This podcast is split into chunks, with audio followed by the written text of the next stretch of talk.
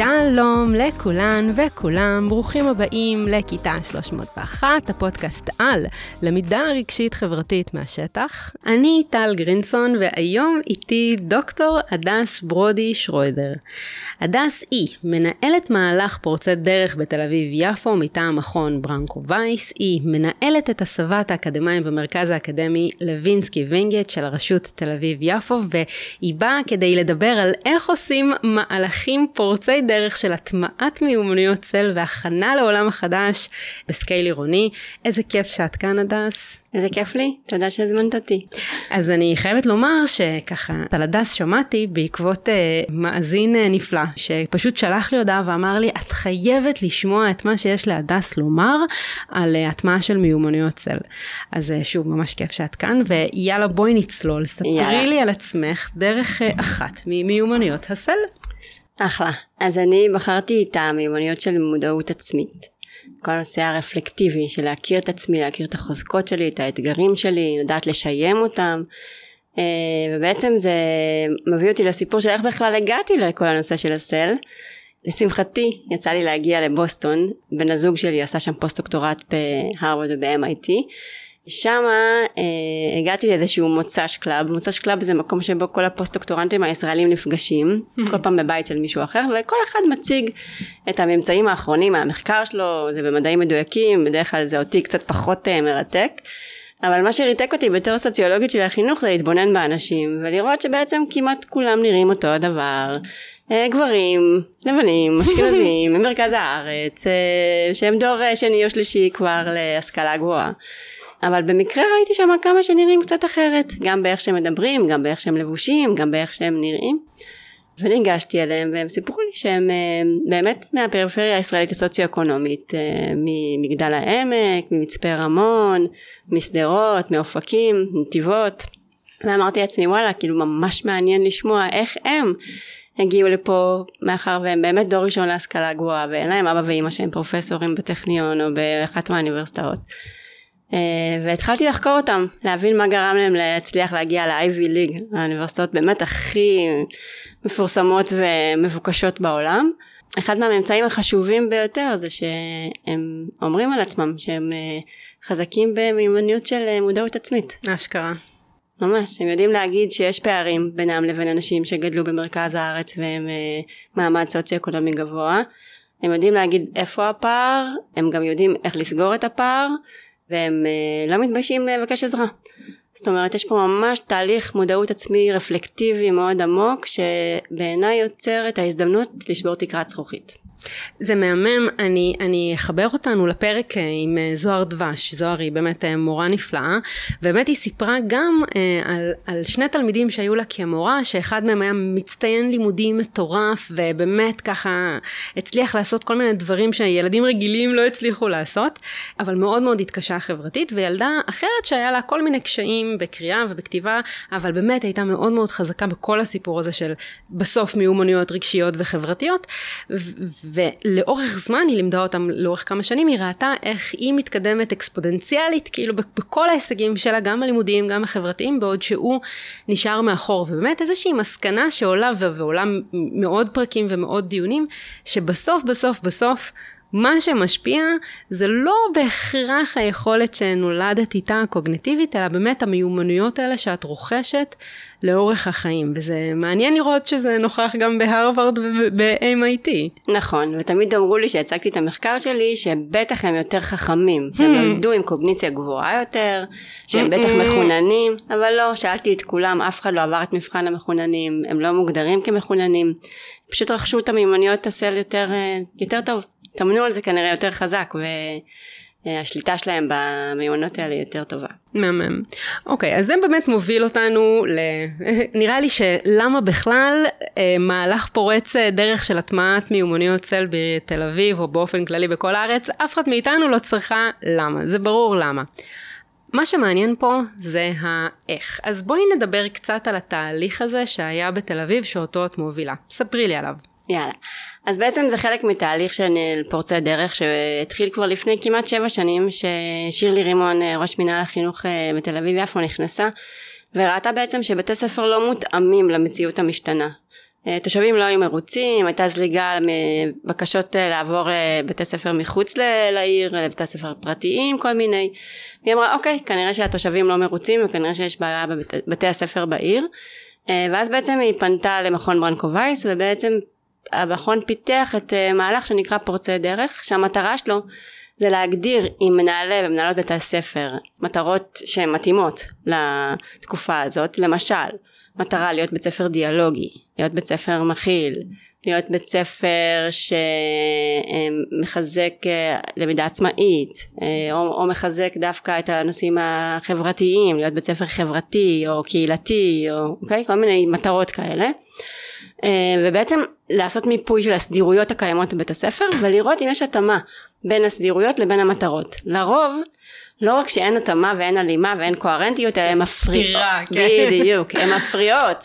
אם בית ספר רוצה להיות דיאלוגי אבל אה, כולם יושבים בטורים ואין בכלל דיאלוג בכיתה או שהכיתה כל כך מלאה בתלמידים ואי אפשר לאפשר איזשהו שיח או שהתעודה והערכה כולה מורכבת ממבחנים שאין שום דיאלוג בין המורה לבין אה, התלמידים או שבכלל אין לי אפשרות אה, לשוחח, אין לי זמן לשיחות אישיות, אין לי זמן ללמידה קבוצתית, אז איך יהיה פה דיאלוג? זאת אומרת, כל הסדירויות שבית ספר יוצר מונעות דיאלוג. אז אנחנו באמת רצינו לעשות המון המון שינויים בסדירויות חדשות על מנת שיהיה הלימה בין המטרות בית הספר לבין הסדירויות. ואז לפני בעצם אני חושבת כמעט שלוש או ארבע שנים, סביב הקורונה, היה ממש מעניין את שירלי להבין למה בעצם תלמידים באים לבית ספר? אם היום בעידן של מהפכת המידע, שבאמת הכל נמצא. עכשיו בכלל עם הבינה המלאכותית וה-AI וה-chat GPT, כאילו למה לבוא לבית ספר? מה תפקיד בית הספר? ובקורונה ראינו את זה ממש חזק, שתלמידים בעצם היו ממש אבודים, הם היו, הם חיפשו מסגרת חברתית, הם uh, חיפשו uh, מקום שבו יראו אותם, שמישהו ייתן להם פידבק, שמבוגר אחר מעבר להורים שלהם ייתן להם פידבק, ואז בעצם ממש הובהרה המטרה של העיר שאנחנו רוצים באמת להכניס מיומנויות רגשיות חברתיות אבל באופן מערכתי גורף זאת אומרת מלידה עד 18 hmm. ליצור מערכת קודם כל של המשגה מקצועית שכל אנשי החינוך ונשות החינוך בעיר ידברו אותה וגם להבין איזה שהם אה, יעדים וקריטריונים להבין מה אני כמורה או מה אני כמורה יכולה לצפות מהתלמידים שלי בגיל מסוים להיות מסוגלים לעשות משהו. לדוגמה, אם נגיד בחשבון אני יודעת שילדים בכיתה ו' צריכים לדעת לחבר כבר שברים ולדעת שבר עשרוני כי יש לי תוכנית לימודים מה הם אמורים לדעת מבחינת אה, יכולת האמפתית שלהם? הם יכולים להיות אמפתיים לאנשים שחושבים אחרת מהם? הם כבר מסוגלים התפתחותית לעבוד בצוות ולקבל תפקיד ולהבין באיזה תפקידים חזקים ובאיזה תפקידים פחות חזקים? Hmm.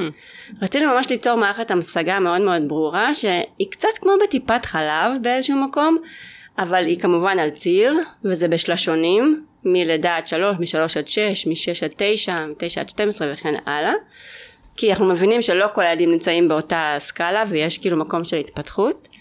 אבל כן שיהיה איזשהו אישור קו מקצועי שנדבר בשפה מומשגת וברורה ושמורים ומורות ידעו להעריך תלמידים ואם אני נכנסת לכיתה ורואה שהם בכיתה ו' או ה' והם עדיין אה, כל הזמן רבים על מי יושב ליד מי או שהם מחלקים אותם לקבוצות הם עדיין רבים אני רוצה להיות עם ההוא הוא רוצה להיות עם ההיא.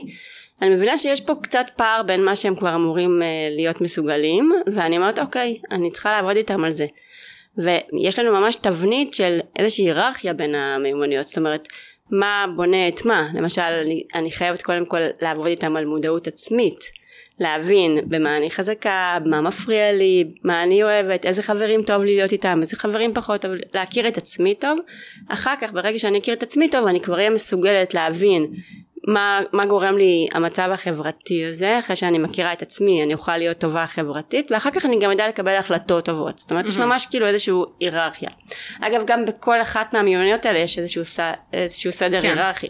צריכה קודם לדעת לשיים את הרגשות שלי, אוקיי? להג... ממש להגדיר אותם, אחר כך אני צריכה להבין את עצמי, להבין את החוזקות שלי וכולי.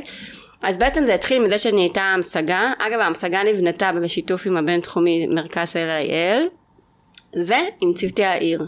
בעצם מנהל החינוך בעיר בנה צוותים, אה, עשה קול קורא ובעצם כל צוות עיר, לדעת שלוש, שלוש עד שש, יסודי, חטיבה ותיכון, לקחו אנשים מהשטח, ישבו יחד עם החוקרות והחוקרים ובעצם המשיגו את השפה. Hmm.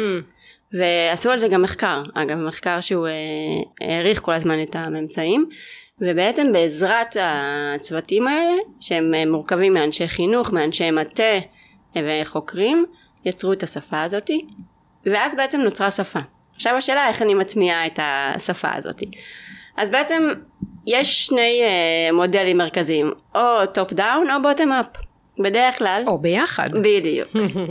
בדרך כלל רוב הארגונים נוטים לעשות את ה-top down. ההנהלה החליטה, מנהל החינוך בתל אביב יפו החליט משהו ויאללה עכשיו כולם כאילו אנחנו יודעים שזה לא, לא, לא עובד, כן. במיוחד בדור של היום, שאנשים כן אוהבים להיות, אה, להגיד את דעתם ולהיות אה, שותפים לקבלת החלטות. אה, לכן בעצם יש פה מדיניות שהיא משלבת. מצד אחד מנהל החינוך יצא עם המשגה הזאת בכנסים למנהלים, בכנסים למורים, זה עבר דרך המפקחת ומנהליה, זה עבר דרך הכשרות מורים, שקודם כל, וכאן אני עונה כבר לשאלה קצת של רן, אה, שאולי בהמשך אה, תשאלי, אה, שקודם כל עוברים תהליך על עצמם. ברור לנו שמורה לא יכולה להעביר תהליך של סל אם היא לא עוברת על עצמה איזשהו תהליך. כי איך אני יכולה לחנך מישהו למודעות עצמית אם אני לא... אם אני לא מודעת, אם נכון. אני לא נכון. יודעת במה אני חזקה, איך אני מבקש מתלמיד לזהות מה הוא חזק. אז כמובן בעבודה עצמית על עצמם, זה תהליך אחד, ותהליך שני זה בעצם רשת של מנחים שפזורה בבתי הספר שבחרו להיכנס למהלך הזה ובעצם אה, ניסינו לראות איך המיומנויות האלה מתחברות למטרות שהם כבר הציבו לעצמם. זאת אומרת mm, אני מזהה מטרות בית ספריות כאילו. בדיוק. כאילו. אם בית ספר נגיד מה שהדוגמה מקודם נמשיך איתה. אם בית ספר אומר שהוא רוצה דיאלוגי בשביל לעשות, לעשות דיאלוג אני צריכה לדעת להכיר את עצמי להכיר מה אני חושבת למה אני חושבת ככה מה, מה הערכים שלי. אני צריכה להבין מה אחרים חושבים על זה, איך הם יגיבו, לטעון טיעון, לקבל החלטה. אה, אז לפי המטרות של בית הספר מצאנו מיומנויות שמתחברות למטרות ואז זה גם בוטם uh, אפ כי בעצם יש פה בעצם ניסיון של לקחת מה שבית ספר רוצה ופשוט להמשיג את זה בשפה של מיומנויות ואז בית ספר באמת מאוד מאוד רוצה להצליח בזה כי כן, זה המטרות חלק מהמטרות שלו. אוקיי אז, אז אני אוספת אותנו קצת זה סופר מעניין. אז בעצם התחלנו בלהבין בכלל למה ילדים רוצים ללכת לבית ספר ואיך זה מתחבר uh, למטרות uh, של בית הספר ולסדירויות שלו שלו ואיפה הפערים גם בין שלושת המרחבים האלה. אחרי זה בעצם עשיתם איזושהי עבודה, כי, כי גם שוב המיפוי הראשוני הזה הוא גם מאוד מאוד חשוב, כן? להבין שנייה איפה אנחנו נמצאים עכשיו ואיפה אנחנו רוצים להיות.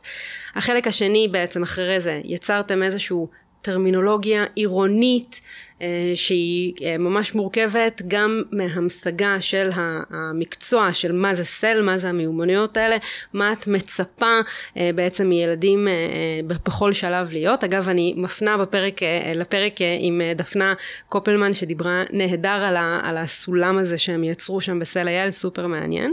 ובעצם אחרי שעשיתם את הטרמינולוגיה העירונית הזאתי, ישבתם עם הצוותים הבית ספריים ואמרתם מצד מצד אחד איך הדבר הזה מתחבר למטרות שלכם, מצד שני איך אנחנו מייצרים גם קהילה לומדת עירונית של מורים, שקודם כל לומדת צל על עצמה. נכון. אלו היו המהלכים העיקריים. לגמרי, באמת כאילו יש בתי ספר שזה פעם ראשונה שהייתה להם קהילה לומדת. Hmm. ש, שבעצם מורים למדו על עצמם, הם, אגב דאגנו שגם הדמויות יהיו מתוך בית הספר, שלא יבואו מנחים חיצוניים לבית ספר, אלא שבאמת עבדנו עם אה, דמויות מפתח בתוך בית הספר. המנחים היו מתוך בית הספר. המנחים היו בתוך בית ספר. חשוב. או שהנחינו בקור, או שהמנחים היו מתוך בית הספר, ובעצם עשו עבודה יחד עם היועצות. אה, אבל דווקא רצינו להוציא את זה מה, מהתחום של הייעוץ, לעבור את זה, באמת להעביר את זה ממש לתוך הפדגוגיה היומיומית בתוך הכיתה.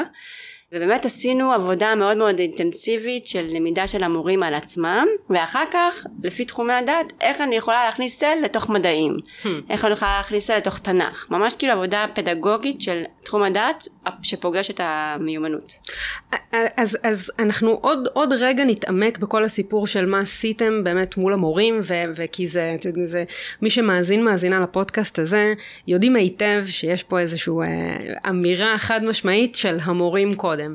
זה נכון בהרבה תחומים, אבל בטח בסיפור של למידה רגשית חברתית, אז אנחנו תכף נגיע לנקודה הזאתי. הסיפור הזה של פדגוגיה, של איך להכניס לתוך מקצוע המדעים לצורך העניין, זה מעניין. כאילו יצרתם איזה שהם best practices, או, או מערכי שיעור, או כאילו איך בעצם יצרתם את הדבר הזה? אז אה, באמת היה ממש ממש מעניין, כי כאילו תמיד נראה שברבי המלל קצת יותר קל להכניס אל, כי זה מקצועות שיש בהם הרבה מילים והרבה טקסטים, ואפשר לשאול איך הדמות מרגישה, ואיך הרגשתי, ואיך אני מזדהה עם הדמות, כן, כן. מה הייתי עושה במקומה.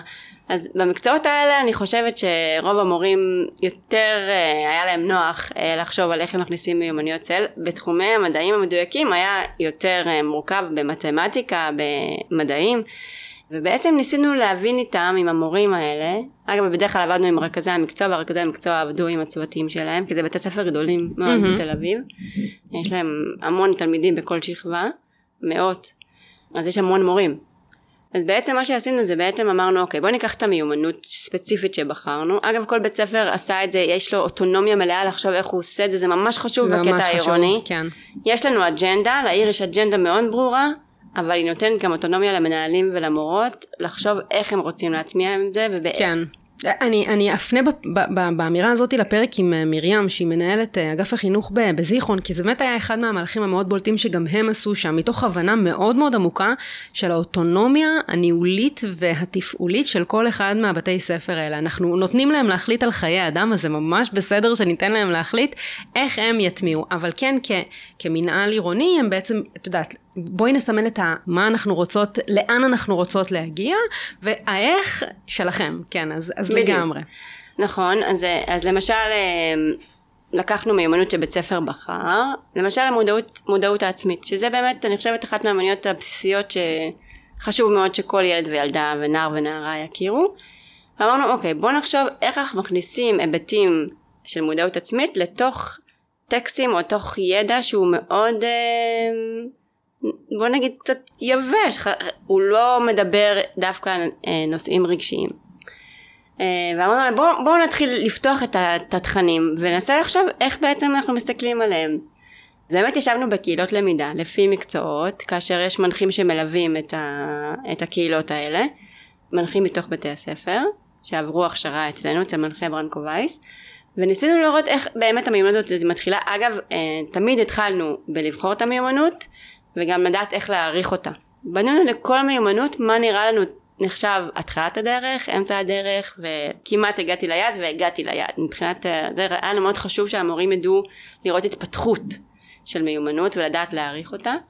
ואתן לך דוגמה מקסימה שהיא כל כך פשוטה, אבל היא כאילו כל כך פיקנטית. למשל, מכיתה, לא זוכרת, ז' או ח' בחטיבה, לומדים על סוגי חומרים. יכול להיות מה זה משעמם, אם הוא נחרץ בציפורן, הוא מתמוסס במים, נכון? מסיס במים, כזה. מצבי הצבירה של, אה, כן. כן, כל מיני סוגים של חומרים. ו... ואז אמרנו, אוקיי, בואו, איך, איך הופכים את זה למשהו שהוא אה, יותר רגשי? עלה רעיון שבאמת אפשר לעשות את זה בכל תחום דעת, שלמשל, באמת לאמת את עצמי מול הדברים האלה ולהגיד איזה תכונה של חומר, הייתי רוצה שתהיה לי. Hmm. הייתי רוצה להיות רכה שאפשר uh, לחרות עליי בציפורן, הייתי רוצה להיות מאוד מאוד מוצקה ו- ו- וקשה, הייתי רוצה להיות uh, קצת חצי חצי, hmm, כן. הייתי רוצה להיות מעורבת, אז שאלנו שאלות כאלה, ואז שאלנו איזה תכונה יש בחומר שאין לי. והייתי hmm. רוצה שיהיה לי. איזה תכונה הייתי רוצה דווקא למסור uh, לחומר אחר, ואני לא רוצה שיהיה בי. ובעצם זה שכבר התעסקנו בנושא שהוא כל כך רחוק מעולמם של התלמידים, אבל החזרנו אותו אליהם, כן. עשה שינוי מהפכני וואי, בשיעורים. זה, זה אדיר, כאילו, את יודעת, את יכולה לשאול כזה, מה גורם לי להתפרץ כמו החומר הזה? כאילו, אני חושבת אבל שבאמת צריך להיות בפוקוס על לרצות להשיג את הדבר הספציפי הזה. כי, כי זה לא מובן מאליו לשאול את השאלות האלה. ואיך מורים בבתי ספר קיבלו את זה? כי זה קצת להזיז להם את הגבינה. חד משמעית. במיוחד אגב, אה, יש כזה, את יודעת, אה, כולם יודעים שהצוותים של אה, מדעים מדויקים, מתמטיקה וזה, הם כאילו יותר מוכווני תרגילים, מבחנים, זה כאילו המקצועות היותר, פחות רכים בבית הספר, על אף שלדעתי הם לא צריכים להיות כאלה. ובאמת ניסינו להבין עם המורים האלה למה הם חושבים שתלמידים חרדים מה, מהמקצועות שלהם? איזה תחושה הם היו רוצים שהתלמידים יצאו בשיעורים שלהם? מה יהפוך אותם למורים שהתלמידים אחר כך יגידו זה מורה שהשפיע על חיי? ניסינו ממש לעשות איתם עבודה עצמית של מודעות שלהם, מה הם היו רוצים להיות, מה, מה יגידו עליהם, איזה מורים הם רוצים להיחשב בעיני עצמם והאמת היא שמגרדים את זה כל מורה ומורה רוצים להיות משמעותיים, רוצים שיזכרו אותם. ברור, את לא הולכת להיות מורה אם את uh, באה רק uh, לאסוף את uh, תלוש המשכורת, את בטח לא הולכת להיות מורה אם את רוצה רק לאסוף את תלוש המשכורת. וזה נכון, וזה גם, זה יפה הדואליות הזו, כן? כי בסוף את אומרת, uh, אתה רוצה להיות כזה, אז בוא נגזור אחורה את המיומנויות שאתה או את כמורה צריכה כדי uh, להיות. וזה עבד התהליך הזה שעשיתם עם המורים? כן, בגלל שה-modeling היה מאוד מאוד הדוק. modeling הוא, הוא חשוב לא רק בתוכן, הוא גם ב-setting. ובעצם הקהילות היו מאוד אה, אינטימיות, עם אה, צוותים שמכירים אחד את השני והשנייה. פתחנו שם המון אה, סוגיות אה, אישיות. אה, היה בהחלט כאילו modeling שמייצר מרחב בטוח, שעבר לתוך הכיתות. אני לא אומרת לך שיש 100 אה, אחוזי הצלחה, כן? יש כן. מורים שעדיין מאוד... אה, חוששים ומסתייגים ורוצים עדיין להישאר באזור הנוחות שלהם. אבל אני חושבת שזה בא מתוך אה, תפיסה עירונית. הם שומעים שזה קורה בעוד בתי ספר אחרים. הם יודעים שזה מה שהעיר מצפה. הם יודעים גם שהמציאות משתנה ו- וההורים רוצים לשמוע על הילדים שלהם יותר מעבר לציון שהם כאילו קיבלו במבחן, הם, הם רואים את זה. הם מבינים שהם, שהם אה, זקוקים לעשות איזשהו שינוי, במיוחד שהם מרגישים אם זה משהו משמעותי שהם עברו על עצמם. כן. אז אה, זה שיש לנו את המיומנות לשאול אותם את השאלות הנכונות, לפתוח את המורים עצמם, להביא אותם לידי מודעות עצמית, בהכרח עושה עבודה. כן. ויש לי עוד שאלה בנושא הזה, ויכול להיות שזה ל-5 year plan של עיריית תל אביב יפו, אבל חלק מ-top down, uh, uh, uh, את יודעת, נגיד אחד מהדברים שמתגמלים בתי ספר בתגמולים דיפרנציאליים זה על ציוני בגרויות, אוקיי? ובגלל זה הרבה מאוד מהבתי ספר משקיעים הרבה מאוד אנרגיה בלהביא את התלמידים ואת התלמידות שלהם לציונים טובים, כי הם א' מתוגמלים על זה, וב' את יודעת, זה איזושהי תעודת, יש משהו איזשהו מודל תגמולי כזה עבור מיומנויות צל או הטמעה של מיומנויות צל בתוך בתי ספר בעיריית תל אביב יפו?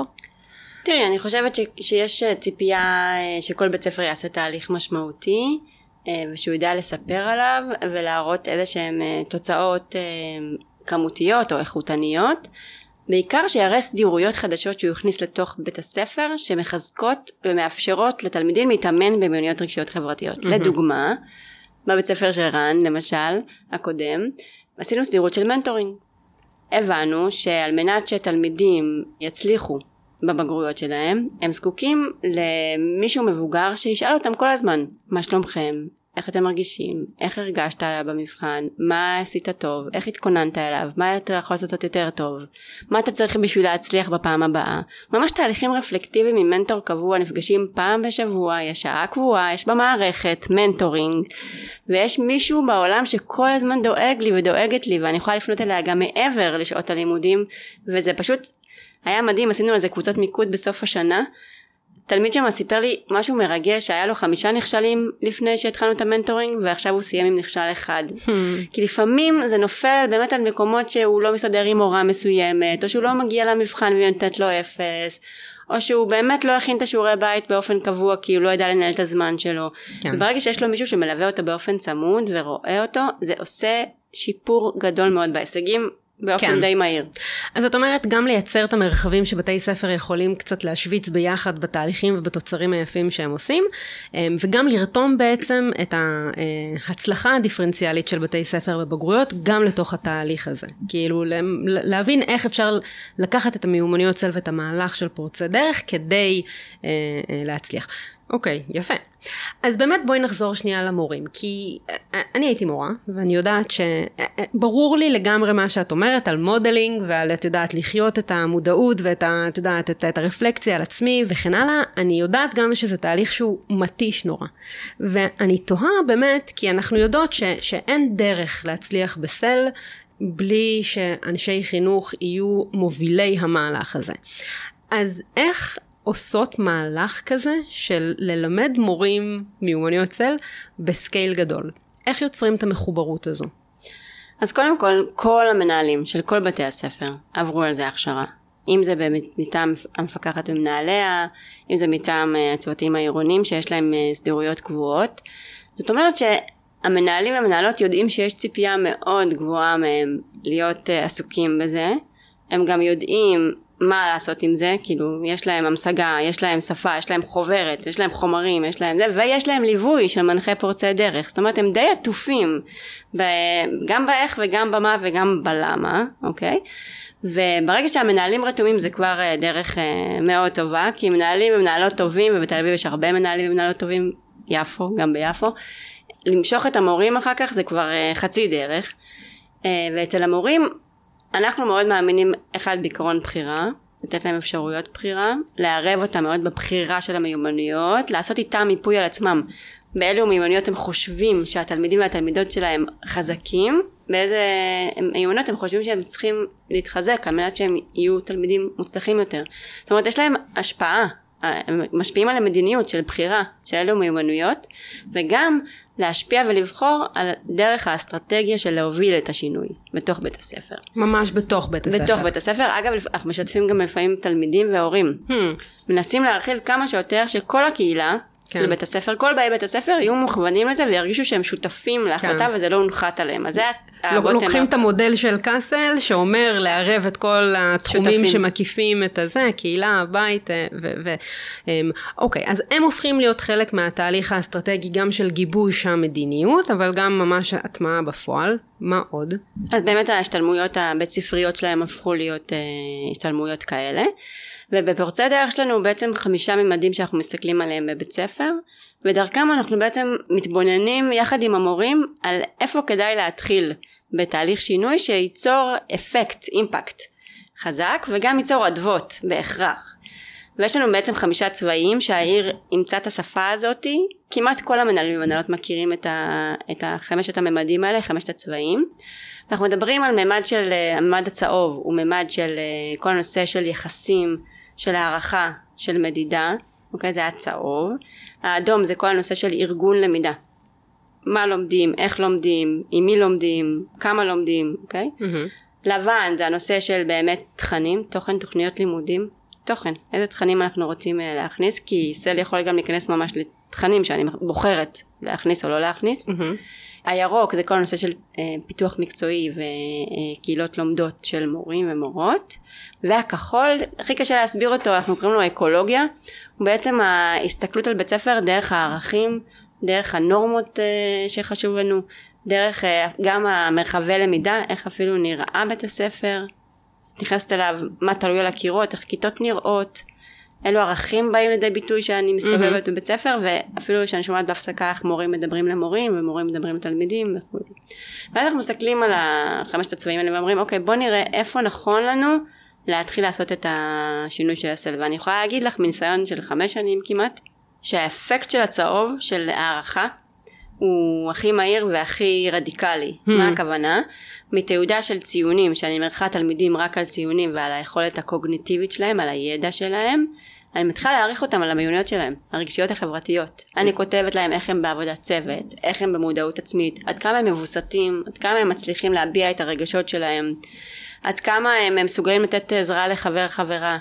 וזה נמצא בתוך התעודה, זה מוערך. זה, זה כאילו מהלך של שינוי תעודה בתוך העיר שעשיתם? כן, כן, כן, כן. לא כל הבתי הספר התחילו בו. כן. אבל בתי ספר ש, שרצו שינוי מהיר, כואב, כואב אני אומרת מבחינת המורים כי זה וואחד שינוי, זאת אומרת שאני צריכה לשנות את כל תהליכי הערכה בבית הספר, לא יכולה לעשות יותר רק מבחנים, ואם אני עושה מבחן אני חייבת להוסיף לו דף רפלקציה, ואני חייבת לעשות שאלות אה, פתוחות ולא שאלות רק סגורות.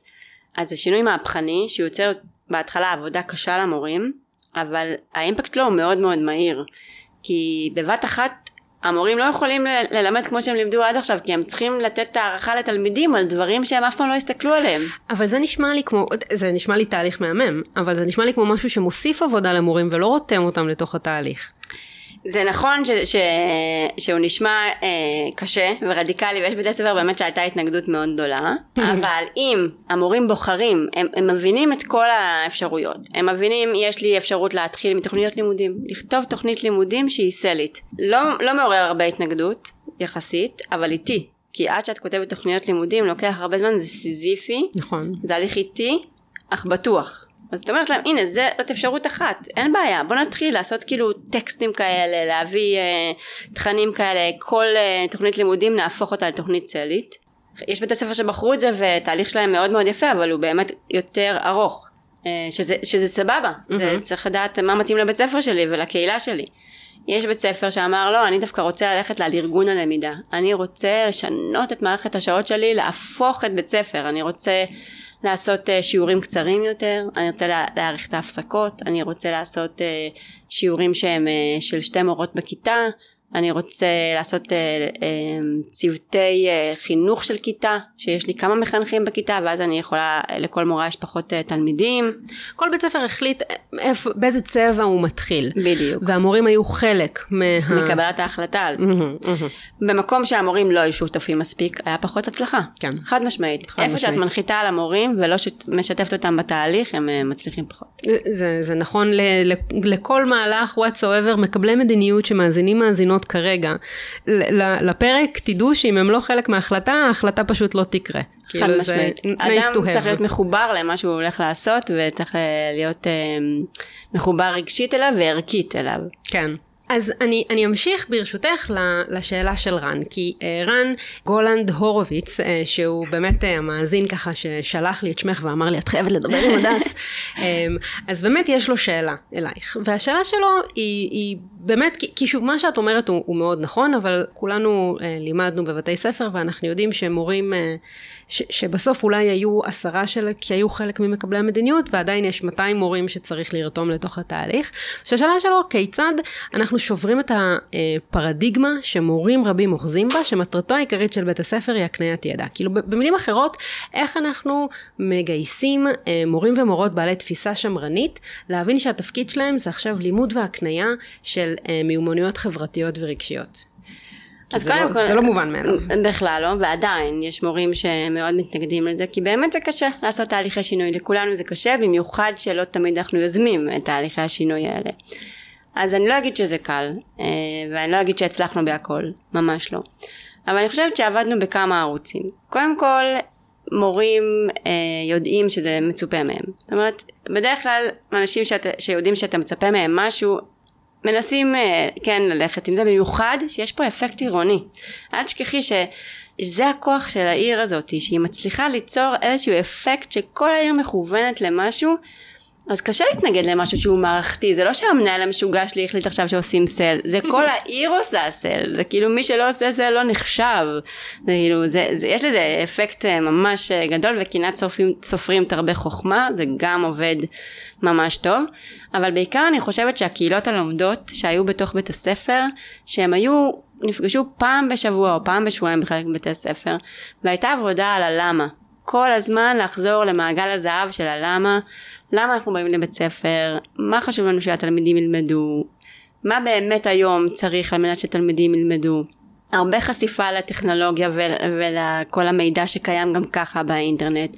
המון משחקי תפקידים של תלמידים וסימולציות שתלמידים אומרים שהם לומדים ממש מעולה ביוטיוב אה, ובשביל ללמוד הם לא צריכים לבוא לת... לבית ספר ויש להם לפעמים גם מורים פרטיים ו... אז באמת למה לבוא לבית ספר? ממש מעמידים את זה מול המורים ושואלים את השאלות הקשות ביותר. ו- ותשמעי זה דורש כאילו מחשבה. הם לא יכולים להגיד בשביל הידע. לא זה כבר באמת לא בשביל הידע. לי יש ילדים שלמדו לבגרות היטב מפודקאסטים ומיוטיובים ובאמת כאילו יש מורים מעולים ברשת. אז הם, הם לאט לאט מבינים את זה. אבל זה תהליך שבאמת הוא גם אה, לא בבת, בזמן מתוך מעורבות, מתוך כבוד מאוד גדול אליהם, מתוך לקיחת ההתנגדות למקום שאפשר לעבוד איתו, מנחים שיודעים לעבוד עם התנגדויות, מעגלי שיח, מעורבות של תלמידים, מעורבות של הורים. במקום אחד נגיד עשינו סקר תלמידים, עשינו סליחה על השאלה. היה אדיר, המורים היו בהלם. ממה שהתלמידים בפועל באמת רוצים לקבל מהמורים כן, שלהם. עשינו סליחה על השאלה, ממש היה פורום מדהים בבית ספר בצפון העיר, שהמורים שאלו את התלמידים שאלות, והתלמידים אמרו להם, מה אתם רוצים שיהיה בבית ספר? אמרו, אנחנו רוצים שיהיו, אה, שיהיה לנו הרבה יותר בחירה. אנחנו רוצים שתהיה לנו אוטונומיה, אנחנו רוצים שתהיה לנו למידה עצמאית, אנחנו רוצים שתיתנו לנו מיומנויות שנצטרך לדעת בצבא, באוניברסיטה, אנחנו רוצים שתלמדו אותנו איך להתמודד עם הצ'אט GPT, אנחנו כן. רוצים ש... הם, הם ממש אמרו, המורים היו בהלם, כן. ממש, הם חטפו איזה כאפה. ברור. אני, אני אוהבת את התשובה הזאת כי היא מתחלקת בעיניי לשני הדברים הכי חשובים שקשורים להטמעה של מיומנויות SEL במקומות קטנים, תכף נדבר על scale גדול, אבל בתוך בתי ספר מבחינתי, ו- וגם שוב זה משהו שעולה בפרקים עם אנשי החינוך המעולים שאני מדברת איתם, בסוף זה מתחלק לחלק הערכי, על למה, על מה התפקיד שלי בעולם כמורה, מה אני, מה אני רוצה שהלומדים שלי יקבלו ממני בסוף, אז זה חלק ערכי. אבל יש פה גם חלק סדירותי, כי בסוף אין שום מקום שינוי לא קורה יש מאין, שינוי קורה כי נותנים לו משאבים, זמן וסדירויות בית ספריות, ואין שום שינוי סלי שיקרה בלעדי זה. ומה שאת אומרת, בעצם כדי לטפל בהתנגדות הספציפית הזו של מורים, עשינו גם וגם, נתנו להם את המקום ואת הזמן, ונתנו להם גם את המרחב לדבר על הלמה. ואני חושבת ששני הדברים האלה מאוד חשובים. ויש לי עוד שאלה שנייה שבאמת אה, ככה עולה לי מהשיח. יש גם איזה שהם תגמולים, כי נשמע שזה הרבה מאוד עבודה נוספת על מה שכבר מורים צריכים לעשות. אז יש איזושהי דרך לתגמל אותם על הדברים האלה? תראי, אמ, לשמחתי אני עובדת בתל אביב יפו, שיש באמת, אמ, זאת עיר שיש בה לא מעט משאבים ובתי ספר. אני לא מכירה משהו שבית ספר ביקש והוא לא קיבל, אם זה הגיוני ואם זה למטרה חשובה. ובאמת כאילו העיר מאוד מעודדת את ההטמעה של ה-SEL ונותנת לזה נגיד אה, בתי ספר בדרום העיר. הם מקבלים לדעתי פי שש מבתי ספר בצפון העיר והם מקבלים כיתות קטנות ומקבלים שעות אה, ל-mentoring ושעות לעבודת צוות והם מקבלים אה, שיחות אישיות לתלמידים מקבלים ביקורי בית מקבלים after school כזה. זאת אומרת יש שם הרבה משאבים שהעיר בהחלט נותנת אני גם יכולה להגיד שהיא באמת מאוד uh, יודעת uh, לתת uh, פומביות hmm. לבתי ספר שמצליחים לעשות והיא מודדת גם אותנו אגב במספר הסדירויות החדשות שנוצרו על מנת להטמיע את הסל. Hmm, יפה. היא ממש מודדת את הסדירויות אנחנו מגישים דוחות ובאמת רואים איזה בתי ספר עשו שינויים בסדירויות שלא היו לפני ועכשיו יש סדירות שמחזקת את המטרה של הטמעת uh, סל של המיונות שהם בחרו. מהמם. זה ממש נכון הסדירות היא קריטית. היא קריטית. בהטמעה של סל. קריטית. היא גם קריטית וגם אבל אני חושבת שכשעירייה לוקחת את זה כמהלך עירוני היא מפנה משאבים ואנרגיה ואולי את יודעת כל הדברים הפדגוגיים האלה שאת אמרת לרתום את האנשים ולעשות וכל הדברים האלה הם סופר חשובים וזו הסתכלות פדגוגית על תהליך אבל בסוף אם אין משאבים שמושקעים בתוך זה זה מאוד מאוד מאוד קשה וזה נשמע ו, ובאמת נשמע שזה מה שאתם עושים לשם זה הולך. נכון אני אגיד עוד משהו אחד שהוא ממש חשוב והוא חזק בתל אביב יפו ממש זה חיבור בין משרד החינוך לרשות מקומית. ברגע שבית ספר שומע שפה אחת, הוא שומע את משרד החינוך, את מחוז תל אביב, מדבר את אותה שפה עם העיר, זה יוצר uh, כוח כן. מול בתי הספר. הם לא צריכים, כאילו, הם לא מתבלבלים. הם יודעים שיש פה באמת עבודת צוות טובה, הפיקוח עובד ממש באדיקות עם העיר. לא תשמעי שפה, אה, שהן לא מדברות את אה, שפה שונה, הן מדברות באמת את השפה, מפקחות יעודדו הטמעה של סל בדיוק כמו שראש מנהל אה, אגף יסודי למשל תעודד. כן. ובדיוק כמו שהם יעודדו ציונים גבוהים והתקדמות במתמטיקה וקריאה ולשון. נכון. כאילו, ו- וזה גם חשוב, כי שוב, אתה, אתה עובד במה שאתה מוערך בסוף. חד משמעית. זה נכון נגיד שביסודי הוצאנו את כל הציונים בכל בתי הספר בעיר? אשכרה. כן. כ- כחלק מהמהלך כן. הזה של פורצי דרך? כן. די. כן, כן. כל התעודות שונו. אה, זה נראה לי ההצלחה הכי גדולה בעיר. אה, מרשים. ובעקבות התעודות, את יודעת, זה מייצר גם יום הורים אחר, וזה יום חלוקת תעודות אחרת, ויש ממש, אה, את תראי סוגים, חבל שלא הבאתי לך, יש תעודות מדהימות, שזה יותר תעודה בה' או תלקיטים. נצרף את זה בתיאור הפרק, כן. סבבה, וממש אפשר לראות אה, רפלקטיביות של תלמידים על עצמם, שזה אגב מרתק הורים לראות מה הילדים שלהם חושבים על עצמם בכל מקצוע, ביחס למיומנויות בתוך המקצוע, ביחס למיומנויות אה, גנריות, ורואים גם ציר התפתחות, ואז יש שיחה אישית על זה. יש uh, כמובן סדירויות של מנטורינג, של חניכה, של תלמידים חונכים תלמידים. זאת אומרת, ההוצאה של הציונים ביסודי הייתה גורפת, והתעודות הן מאוד רכות ומתאימות לגיל. בחטיבות אנחנו גם בתהליכים, יש חטיבות שהוציאו לגמרי את הציונים, יש חטיבות שהקטינו את הציון והכניסו באמת הרבה מאוד כן. מקום למיומנויות רגשיות חברתיות. בתיכון זה יותר מורכב, כי יש את המכבש של הבגרויות. לא, תשמעי, בסוף תראי, אנחנו כן אה, בעולמנו אנחנו חיים, כן? אנחנו לא רוצים שהילדים האלה יגיעו אה, אה, והם לא ידעו איך זה, כי גם, גם חוסן זה לדעת להתמודד עם ציון, כן? כאילו זה גם בסוף חשוב, אבל אני מאוד מסכימה שיש זמן ויש מקום, כן? אני, ביסודי אני חושבת שזה ממש ראוי שלא יהיו ציונים, זה נראה לי מאוד מאוד נכון, אבל גם זה נראה לי מהלך מורכב. ובעצם בתוך המהלך ההוליסטי הזה שאתם עושים. אז אמרת, יש ממש מגיל לידה והגיל הרך ויסודי וחטיבה, אבל בעצם אתם עשיתם משהו שהוא די מרשים וחיברתם את זה גם להכשרה של המורים. נכון. איך הדבר הזה נראה? כי זה מטורף. כן. ואני אגיד שנייה, אני אפתח סוגריים, כי יש משהו, את יודעת, כשאנחנו, אני עשיתי הסבה, אבל היו לי המון המון חברות שעשו את כל, ה, את כל, את כל המסלול, כמו שנקרא. הם כן. היו, כן, כל הזה. ויש איזה שאת יודעת, חלום ושברו. את יוצאת מהסמינר, את יוצאת מהמכללה, וחלמת להיות, אה, את יודעת, המורה הזו, והגעת, ומה שיש לך בגדול ביומיום שלך זה אקסל בדיקת מבחנים, שיחות עם הורים, ואללה בבאללה. אז איך הדבר הזה קורה ביחד? אז זה ממש ממש מעניין. אה, לשמחתי, יצא לי כזה win win situation, שהאהבה השנייה שלי והאמונה שלי הגדולה שתהליכי שינוי מתחילים במורים. וכדאי שנכשיר אותם מראש להיות מורים של SEL. מורים ש... כן. אז בעצם אה, בתור אחת שאחראית גם על פורצי דרך וגם על הכשרת מורים של תל אביב יפו של הסבה האקדמית שבמרכז האקדמי לוינסקי וינגייט אז בעצם נוצרה לי הזדמנות שאני יכולה להכניס תכנים וסדירויות לתוך הכשרת המורים של סל. אז ההכשרה שלנו נראית אחרת לגמרי. מטורף. היא, קודם כל יש בה סגל קבוע, שהוא כמו מחנכי כיתה. Hmm. יש קשר הדוק בין המרצים לבין המד"פים, המדריכים הפדגוגיים. יש סתירות uh, קבועה של פעם בשלושה שבועות שאנחנו מסתובבים בעיר ורואים בתי ספר uh, מעניינים עם סדירויות חדשות. יואו. יש לנו, יש לנו הערכה של הסטודנטים על פי מיוניות צל. הם מעריכים את עצמם ואנחנו מעריכים אותם, hmm. על פי מיונת הסל. אנחנו לומדים את התכנים אה, של הסל. כן, את ההמשגות שיצרתם ביחד בדיוק, בתחילת המהלך. בדיוק, הם כאילו מגיעים שהם מכירים כאילו... את השפה העירונית. מגניב. כן, וזה בזכות זה שבאמת אני מכירה את אה, שני העולמות, גם את העולם האקדמי של הכשרת מורים וגם את העיר עם כל המגדלורים שלה.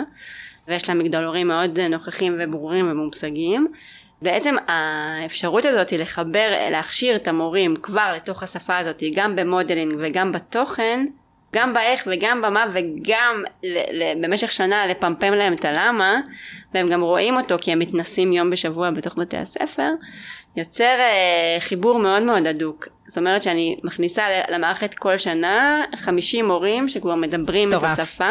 אגב, אני, אנחנו מלוות אותם גם בשנה השנייה בסטאז' וגם hmm. שם אנחנו שמות על הדגש שאנחנו לומדים בקהילות. גדול. Uh, את הסטאז' אנחנו עושים בחממות קהילות כאלה. כן. וגם המורה חדש שזה השנה השלישית.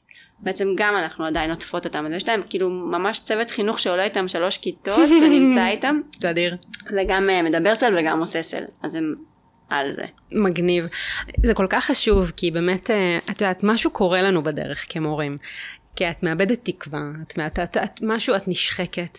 אז, אז כשזה מדבר באותה השפה, גם בתוך בתי ספר וגם בתוך ההכשרה וגם אחר כך עם הפיקוח וגם אחר כך את נמדדת על זה ואז את יודעת, שמים אותך uh, בשלטי חוצות כי עשית את הדבר.